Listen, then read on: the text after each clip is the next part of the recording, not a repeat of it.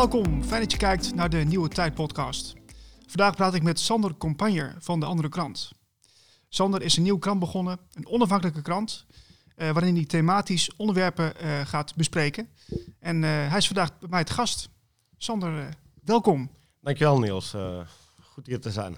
Leuk dat je er bent. Ja, zeker, zeker. Ehm, ik heb de krant meegenomen. Dit is de laatste editie volgens mij, hè? Dit is de tweede druk van de laatste editie inderdaad. Ja. Dus, eh, Ik, eh, ik vind het heel moedig dat je, een, eh, dat je een, een andere krant bent begonnen. Want ik kan me voorstellen in tijden zoals deze, met heel veel abonnees die worden opgezegd hè, bij, de, bij het NRC of de Volkskrant, eh, mensen die toch sneller online gaan zoeken, dat jij een andere krant eh, begint. Eh, hoe, hoe kom je zo op het idee? Nou ja, het idee was niet om er een eh, verdienmodel achter te hangen. Al proberen natuurlijk wel om uit de kosten te komen en te zorgen dat we iedereen die meewerkt eh, eh, kunnen belonen. Ehm, maar het idee is al een tijd geleden ontstaan. Ik had eerder met een aantal andere jongens, met een aantal vrienden, een stichting in Amsterdam. Ehm, vanuit die stichting hebben we een website opgezet, lezingen georganiseerd, workshops georganiseerd. Met als doel om het publiek debat te verbreden. Dus ik kwam er een paar jaar geleden achter dat er heel veel onderwerpen taboe zijn. Dat er heel veel zelf opgelegde censuur in de media is. En ik kwam een aantal nou ja, gelijkgestemden tegen die eh, dat ook vonden. En toen hebben we besloten van ja, we moeten hier iets mee, zo voelen dat. Ja, En toen zijn we vanuit die stichting zijn we allerlei zaken gaan organiseren. En na enige tijd ontdekten we van ja, het is, eh, we bereiken best mensen, maar dat zijn vaak mensen die eigenlijk al eh, op gelijke voet staan met wat wij denken. En toen ik een lezing georganiseerd, dat ging over vaccinaties, natuurlijk altijd een moeilijk thema. ja dat is wel controversieel. Ja, precies. En daar kwam precies niemand op af. Dus, Niemand? eh, niemand. En we hebben ook heel veel succesvolle zaken georganiseerd waar we wel veel bezoekers hadden. Festivals georganiseerd in Amsterdam. Maar daardoor wel aan het denken geslagen van ja, hoe kunnen we nu mensen bereiken buiten eigen, onze eigen filterbubbel. Dus hoe kunnen we mensen bereiken die niet al op de Facebookpagina's komen en voor wie die alleen nog eh, zich laten informeren door het reguliere nieuws. Ehm, toevallig een vriend van mij die een soort vanzelfde ervaring had op dat moment. Eh, die had een paar Zembla-uitzendingen gedaan en die kreeg ook geen reactie. En we zaten allebei een beetje in de put van hoe, nou, wat moeten we hier nu mee? Mhm. En toen kwam het idee van ja, een krant. Misschien moeten we gewoon een ouderwetse krant gaan beginnen. En twee weken later kwam weer een andere vriend naar me toe en die zei ik wil een krant beginnen. Nou ja, toen was het eh, denken voorbij en toen dacht ik oké, gaan we het gewoon doen. Ja. En kijken of het ons lukt. En eh, we hebben toen gezegd als we succesvol zijn en het slaat aan, dan gaan we door. Mhm. En we zijn nu bij de zesde editie. De editie 7 is gisteren naar de drukker gegaan. En we merken dat het steeds groter wordt en dat we steeds meer eh, weerklank krijgen. Dus eh, Ja man, de mooie ontwikkeling. Ehm, wat, ik, wat ik zelf wel interessant vind, is dat het, dat het wel vaak onderwerpen aansnijdt die, ehm, die vaak in de reguliere media wat, wat minder naar voren komen. Ja, Eh, is, is dat een bewuste keuze? Nou ja, het heet de andere kranten. En het idee is de andere kant van het nieuws. En daarmee de eenzijdigheid van het nieuws belichten. Maar tegelijkertijd zorgen dat er een breder palet aan informatie komt. Kijk, ehm, de onderwerpen die komen ook best aan bod in de reguliere media. We hebben een krant over Rusland, over het financieel systeem, over 9-11 en maar 17, maar ook gezondheid. Het zijn toch allemaal thema's die aan bod komen, maar wel waar de informatievoorziening vanuit de reguliere media heel eendimensionaal is. Ehm, op het gebied van 9-11 is het nog steeds niet toegestaan om af te wijken van het officiële verhaal, het officiële verhaal van eh, Osama Bin Laden en zijn handlangers die al die torens hebben laten instorten. Ja, ja. En het is niet zozeer de onderwerpkeuze als wel van hoe die onderwerpen belicht worden waar we ons onderscheiden. En waar we letterlijk dus de andere kant willen laten zien. Nou, ik denk dat het aardig lukt. Ehm, eh, ik hoorde ook wel iemand roepen laatst, eh, dat vond ik wel, ehm, ja, toch wel ehm, bijzonder. Die zei van, ja, de andere krant, eh daar staan veel complotten in. Eh, wat, wat, wat, moet je daarmee met zo'n opmerking? Eh, kun je dat een beetje plaatsen? Nou, het, ehm, ik hoor natuurlijk veel dat wij complotdenkers zijn. En toen ik een hele tijd geleden begon met die stichting en ik voor het eerst mensen ging uitnodigen om onze Facebookpagina te liken en om nou, ik daarmee naar buiten trad, toen was ik ook heel bang. Want oh jee, nu ben ik die complotdenker. Weet je, dus dat is een stigma, een frame wat ehm, gebruikt wordt. En wat heel effectief is, want ehm, mensen zullen niet als complotdenker te boek staan. Hè, dat, ehm, of complotgekkie of wat dan ook Mhm. praktijk en feit is natuurlijk dat complotten van alle tijden zijn, er altijd waren en altijd zullen zijn. En nou ja, dat iemand anders ons het frame geeft, of dat, dat uh, etiket geeft, complotdenken, ja, dat zegt wat mij betreft meer van de ander dan van ons. Mhm. wij hebben zes edities uitgegeven. Laat vroeg iemand aan mij, heb je ergens spijt van in al die kranten die jullie hebben uitgegeven? Of hebben jullie echt een grote missen gemaakt? Ehm, en ik heb er een tijd over na zitten denken. En dat is, nou, na zes kranten over moeilijke thema's, is dat niet het geval geweest. Oké. Dus wij zijn niet uh, de eerste krant over Rusland. Had de NRC een uh, paar pagina's over onze krant. En ze hadden één inhoudelijk punt waar wij volgens hun fake news verspreiden. Mm En dat was het verhaal van pater Daniel Maas, een Belgische pater die in Syrië woont. Um, en die vertellen dat IS uh, geconstrueerd is door westerse machten. Of aan westerse gelieerde machten. Mhm. Nou ja, het NRC heeft toen gesteld dat is fake news. Nou ja, ondertussen is gebleken dat uh, alle westerse overheden die groepen gesponsord hebben. En is het verhaal wat mij betreft uh, feitelijk. Maar naast dat hebben we nooit inhoudelijke kritiek ontvangen. Maar we krijgen wel de kritiek van we zouden complotdenkers zijn. En um, daarmee proberen, ja, proberen anderen onze krant weg te zetten. En dat is prima. Ja, nee, ik, ik ben nog wel dat, uh, wanneer was het vorig jaar? Toen kwam ook uit dat de Nederlandse regering ook bepaalde uh, strijdgroepen zou sponsoren in uh, Syrië. Ja, ja, dus dat is uiteindelijk wel aan dichtgekomen. Nou ja, en in Duitsland is dat debat geweest en is het aan het licht gekomen. In Engeland is dat debat geweest, is het aan het licht gekomen. Um, alleen hier in de media hoor je niet dat het ook in Engeland speelt en ook in Duitsland speelt. En daar horen ze ongetwijfeld niet dat het ook in Nederland speelt. Dus het wordt op die manier klein gehouden. Maar mensen die zich echt verdiepen en die uh, de boel daar beter onderzoeken, ja, die weten dat dat aan de hand is geweest. En die weten dat die S een construct is geweest om de boel daar te stabiliseren. Ja. Waar heel veel westerse krachten achter hebben gezeten. En nog zitten misschien. Ja.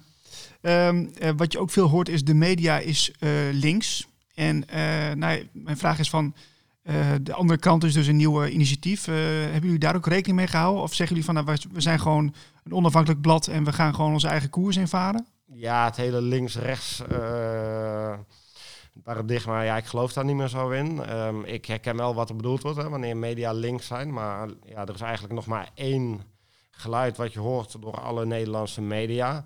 En wat ik wel merk is um, de laatste tijd, afgelopen week had de Volkskrant die had een hele Verleden week zaterdag in de zaterdagkrant een heel katern over complotten. En het NRC had het laatst een paar pagina's over complotten. Ja, het is wel in hoor de laatste tijd. Ja, ze proberen natuurlijk de, te duiden. En wat er dan continu wordt gesteld is dat complotdenkers rechts zouden zijn.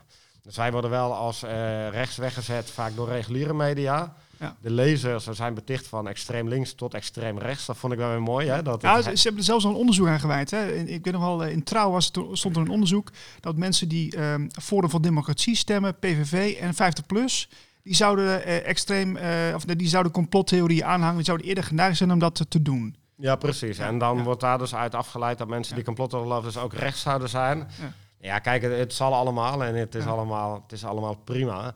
Maar wat ik wel merk, dat uh, spel van woorden, dat spel van framing, kijk, dat is wel iets wat, uh, wat heel kwalijk is. Want uh, laatst het CIDI, dat is het Centrum voor Informatie Documentatie Israël, ja, die kwamen naar buiten dat wij antisemitisch zouden zijn. We hebben er niet op gereageerd, hè, omdat nou ja, we hebben letterlijk niet één reactie gekregen van lezers of van anderen die uh, die daarop aansloegen. Iedereen herkende van dit is je reinste uh, kul. Ja, dat is wel een statement trouwens hoor. Maar het zijn wel, uh, ze proberen ons daar wel mee te beschadigen. Ja. En het hele, ik sprak laatst met Margriet Brandsma, dat is een columnist van de Volkskrant.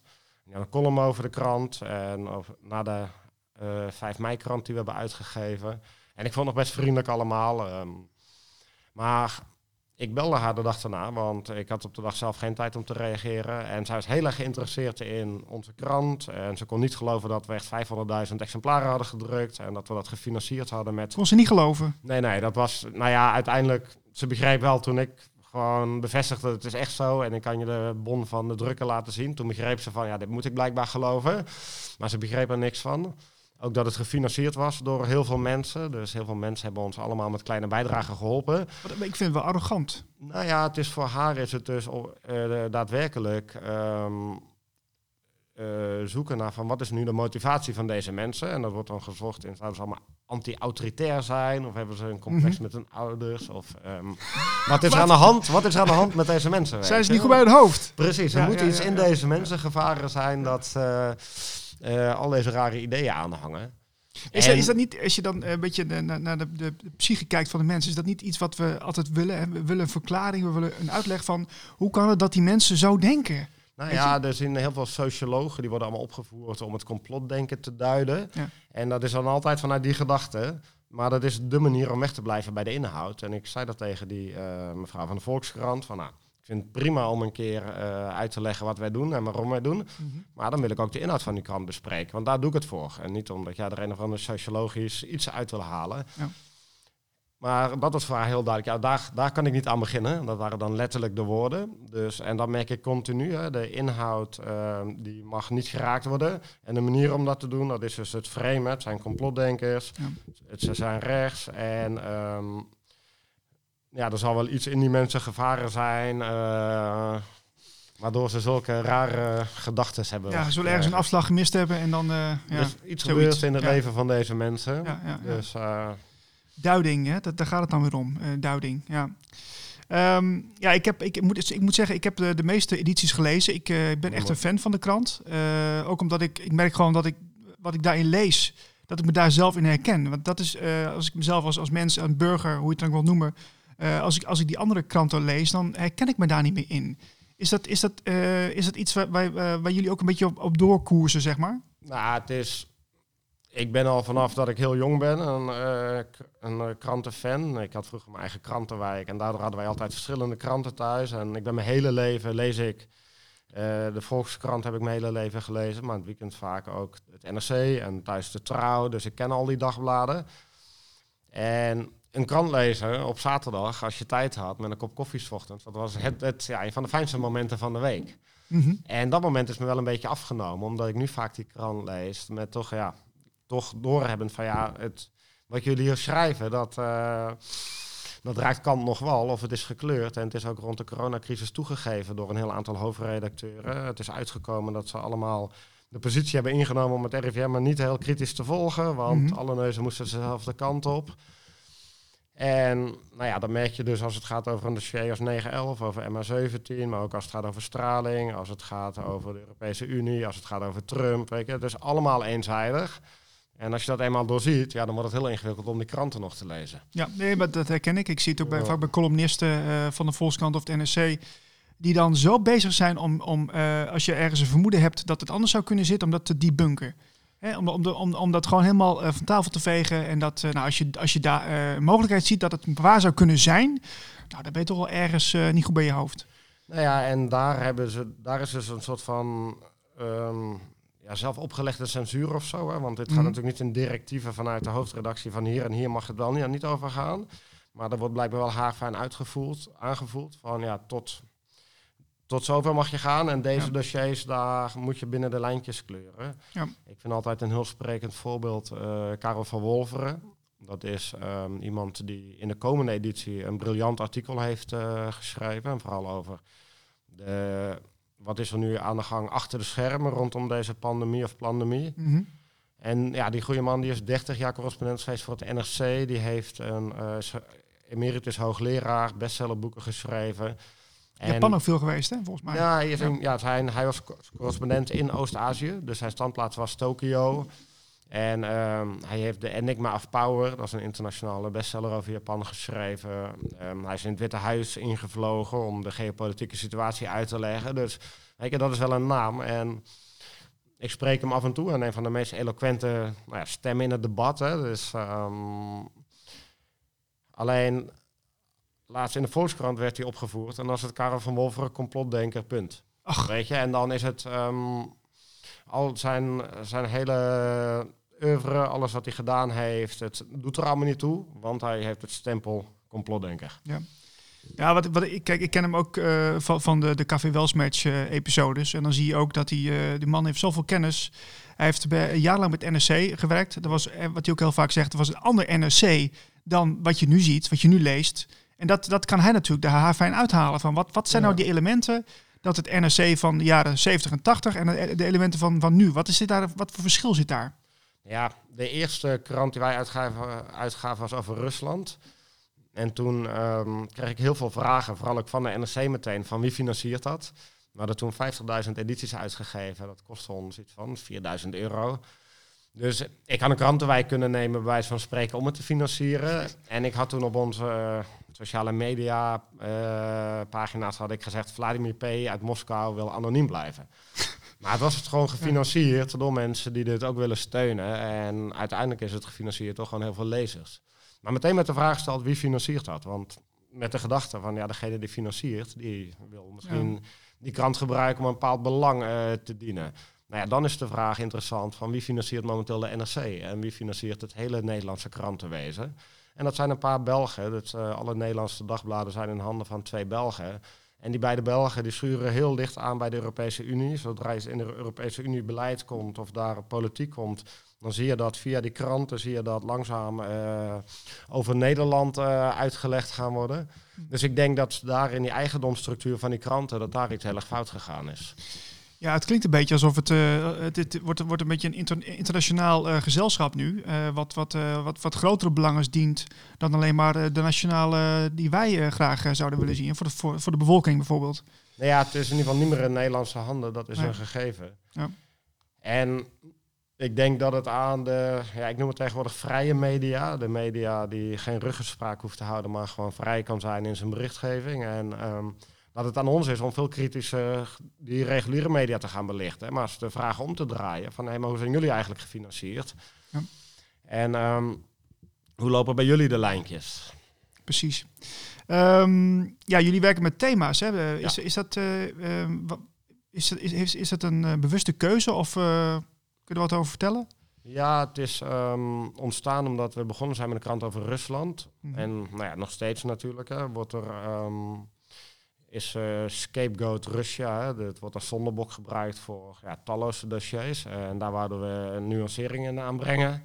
En wat we merkten is van um, de actualiteit vanuit een krant belichten is natuurlijk nog een andere tak van sport bijna. En nou, we, zijn toen, we hebben toen besloten, we gaan op die thema's door. En op dit moment hebben we besloten om dat ook te blijven doen. Alleen merk ik wel dat de thema's steeds meer richting de actualiteit gaan. We hadden eigenlijk een krant over het klimaat uitgegeven rond deze periode. Okay. Maar er is niks wat er toe doet op dit moment. Wat er echt toe doet en waar er echt aandacht voor is natuurlijk. Behalve het hele corona gebeuren en vooral alle maatregelen die rondom het corona gebeuren worden genomen. Ja. Alle vrijheidsbeperkende dingen die uh, over ons heen komen. Ja, dat, dat was ook een beetje mijn volgende vraag. Dus, dus de, het, corona en de angst uh, die daar uh, die met zich mee uh, wordt gebracht, ehm, dat is het volgende thema, begrijp ik? Ja, de volgende krant gaat over corona. We noemen hem COVID-1984. Want we willen duidelijk aangeven dat het niet zozeer het virus zelf is waar we het over gaan hebben, maar juist ook van wat dat nu doet met de samenleving.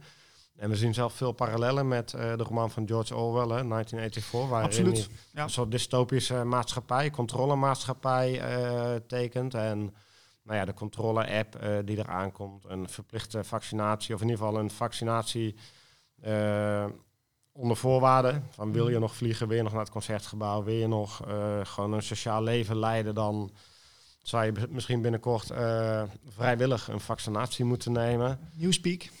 Precies, um, de anderhalve meter, hè, het, uh, dat geen fysiek uh, contact meer mogen hebben. En nou ja, dat wordt gewoon nog steeds wettelijk vastgelegd. Dus nou, om dat te duiden hebben we de krant uh, COVID-1984 genoemd. In de krant gaan we in op maatregelen die genomen zijn en hoe effectief die zijn. Afgelopen donderdag zat Pieter Klok, dat is de hoofdredacteur van de Volkskrant. Bijna een collega dan, hè? Dat hij nog iets ja. grotere, grotere titel heeft. Mm -hmm. Maar die zat bij Viruswaanzin in een podcast. En um, nou ja, die werd er best wel terecht en goed aangesproken op de angst die ook in de Volkskrant wordt geprogrammeerd. Maar ook hoe de maatregelen geen basis in de realiteit hebben. En ja, ik, de, de Volkskrant, daar wil ik toch even op ingaan. Hè. Ik heb me daar echt over verbaasd. Uh, maand terug volgens mij. Die hebben toen gewoon gezegd in een radio-interview... van uh, alle andere uh, lezingen op de, de situatie van, van, van nu... op het corona gebeuren... die, die, die komen gewoon niet de krant in. We hebben gewoon één... Um, één visie erop en dat, dat wordt belicht. Ja, we volgen het RIVM en dat was diezelfde Pieter Klok. Hè. Dat was die hoofdredacteur die dat toen op Radio 1 zei.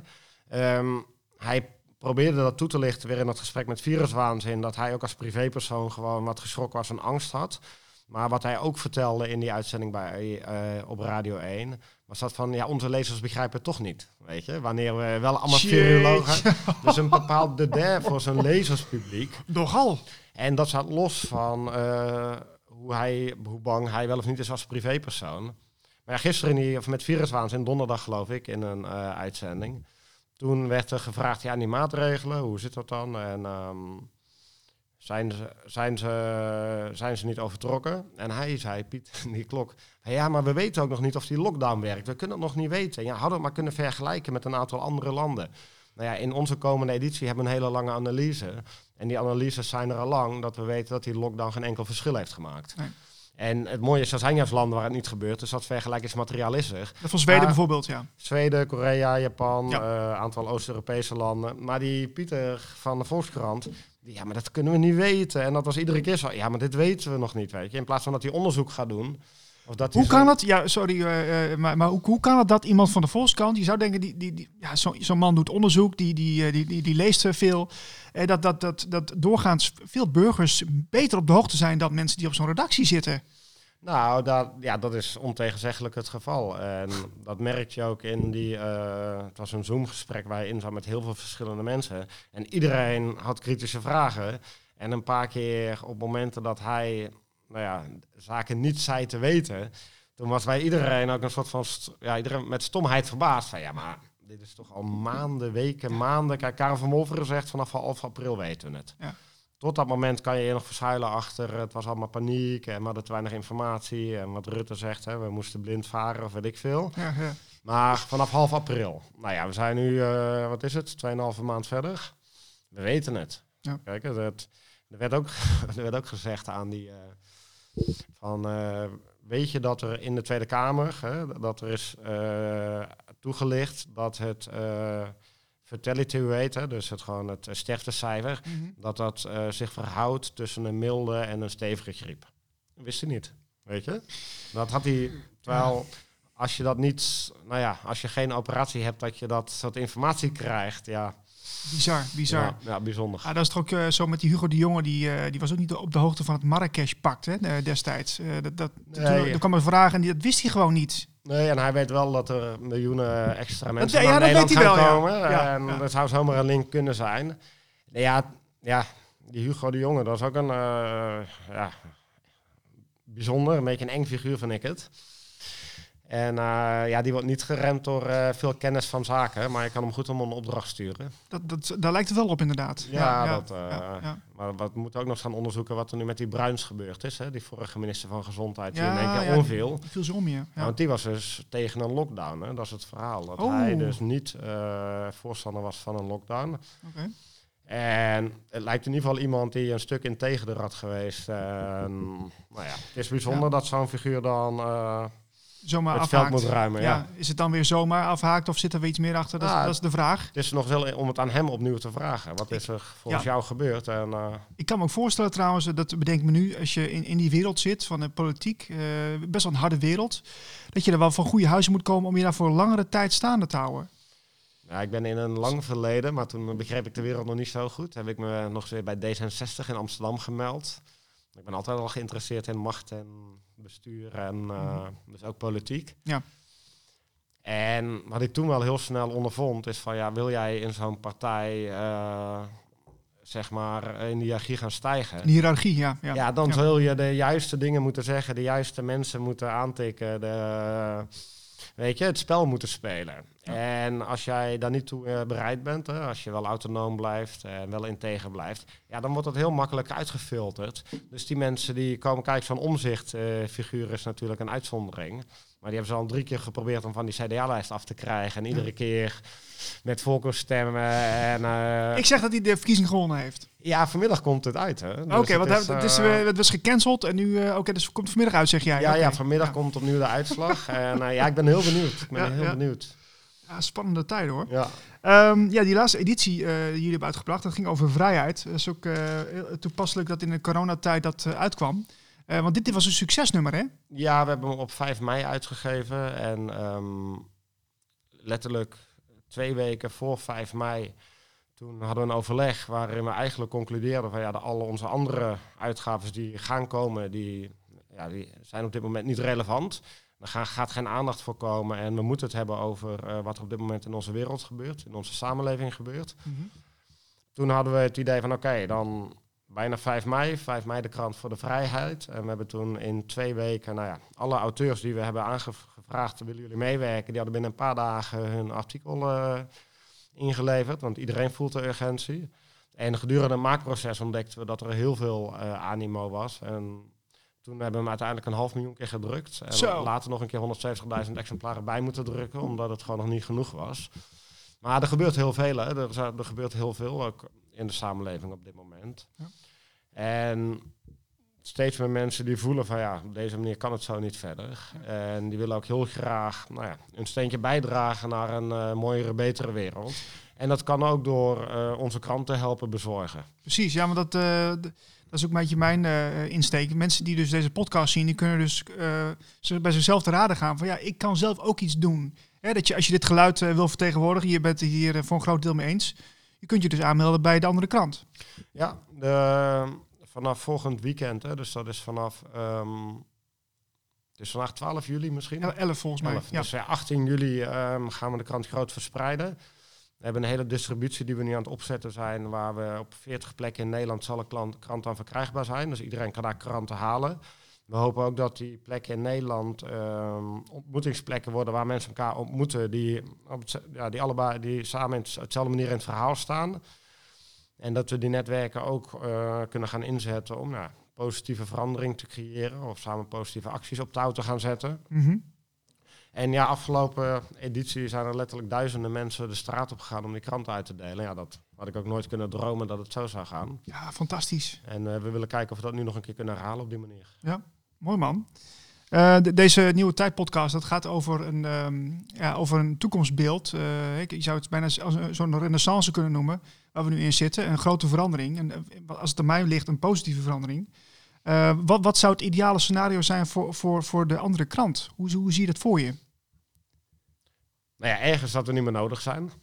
Weet je, dus dat het... Um, Kijk, ik ben geen krant gaan uitgeven omdat ik uh, al jarenlang de brandende ambitie heb om een krant uit te geven. Ik vind het wel heel leuk om te doen.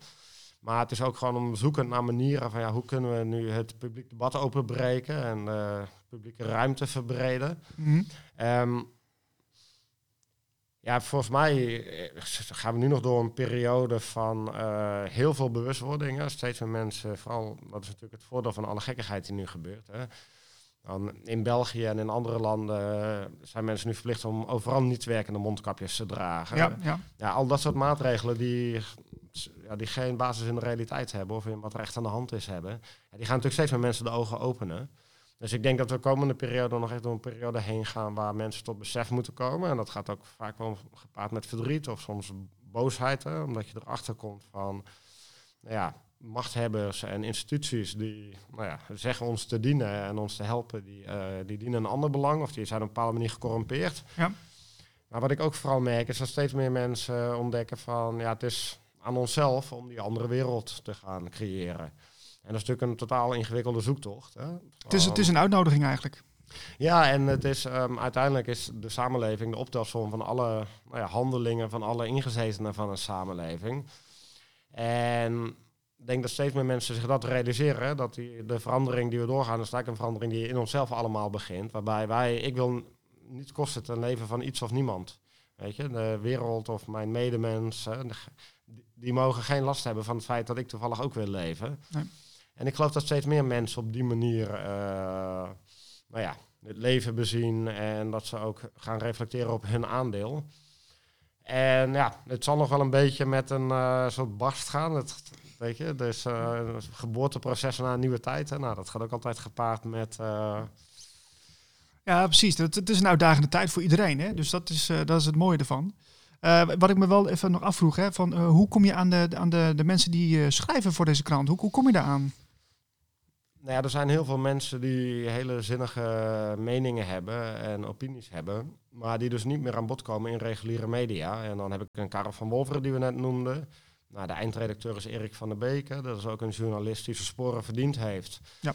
Maar die perso persona non grata is binnen het reguliere mediabestel. Uh, En wij kunnen dat soort uh, auteurs en journalisten of uh, vrije media jongens, die kunnen wij een plek geven in onze krant. Dus eigenlijk is dat best wel makkelijk, omdat er gewoon de eenzijdigheid van de rest van de media maakt. En wij zijn de enige krant die de andere kant belicht. Hè. Ja, het dienen zich eigenlijk wel aan, als ik het zo hoor. Ja, het is de laatste wat ik zeg bij deze editie toen. Ik had twaalf mensen op mijn shortlist van misschien willen ze meewerken. En ja, tot uh, mijn grote verrassing kreeg ik binnen een paar uur van alle twaalf meteen uh, de medewerking toegezegd. Wow. Ja, dat we ook eigenlijk van shit, een beetje te veel content. Ja, ja precies. Ja. Ik had niet verwacht dat iedereen zou mee zou doen op die korte termijn. Nee. Dus het vullen, ja, dat is eigenlijk nog best wel makkelijk. Uh, Oké. eh, Mooi. Um, nou, ik, uh, ik ben heel enthousiast en ik, wil ook, ik ben heel benieuwd uh, hoe de volgende krant eruit komt te zien. Want er is volgens mij wel een hele mooie voorkant ook. Wat ik voor jou net uh, zag in je telefoon. Ja. dus nou, we, ga, we gaan er naar uitzien, Sander.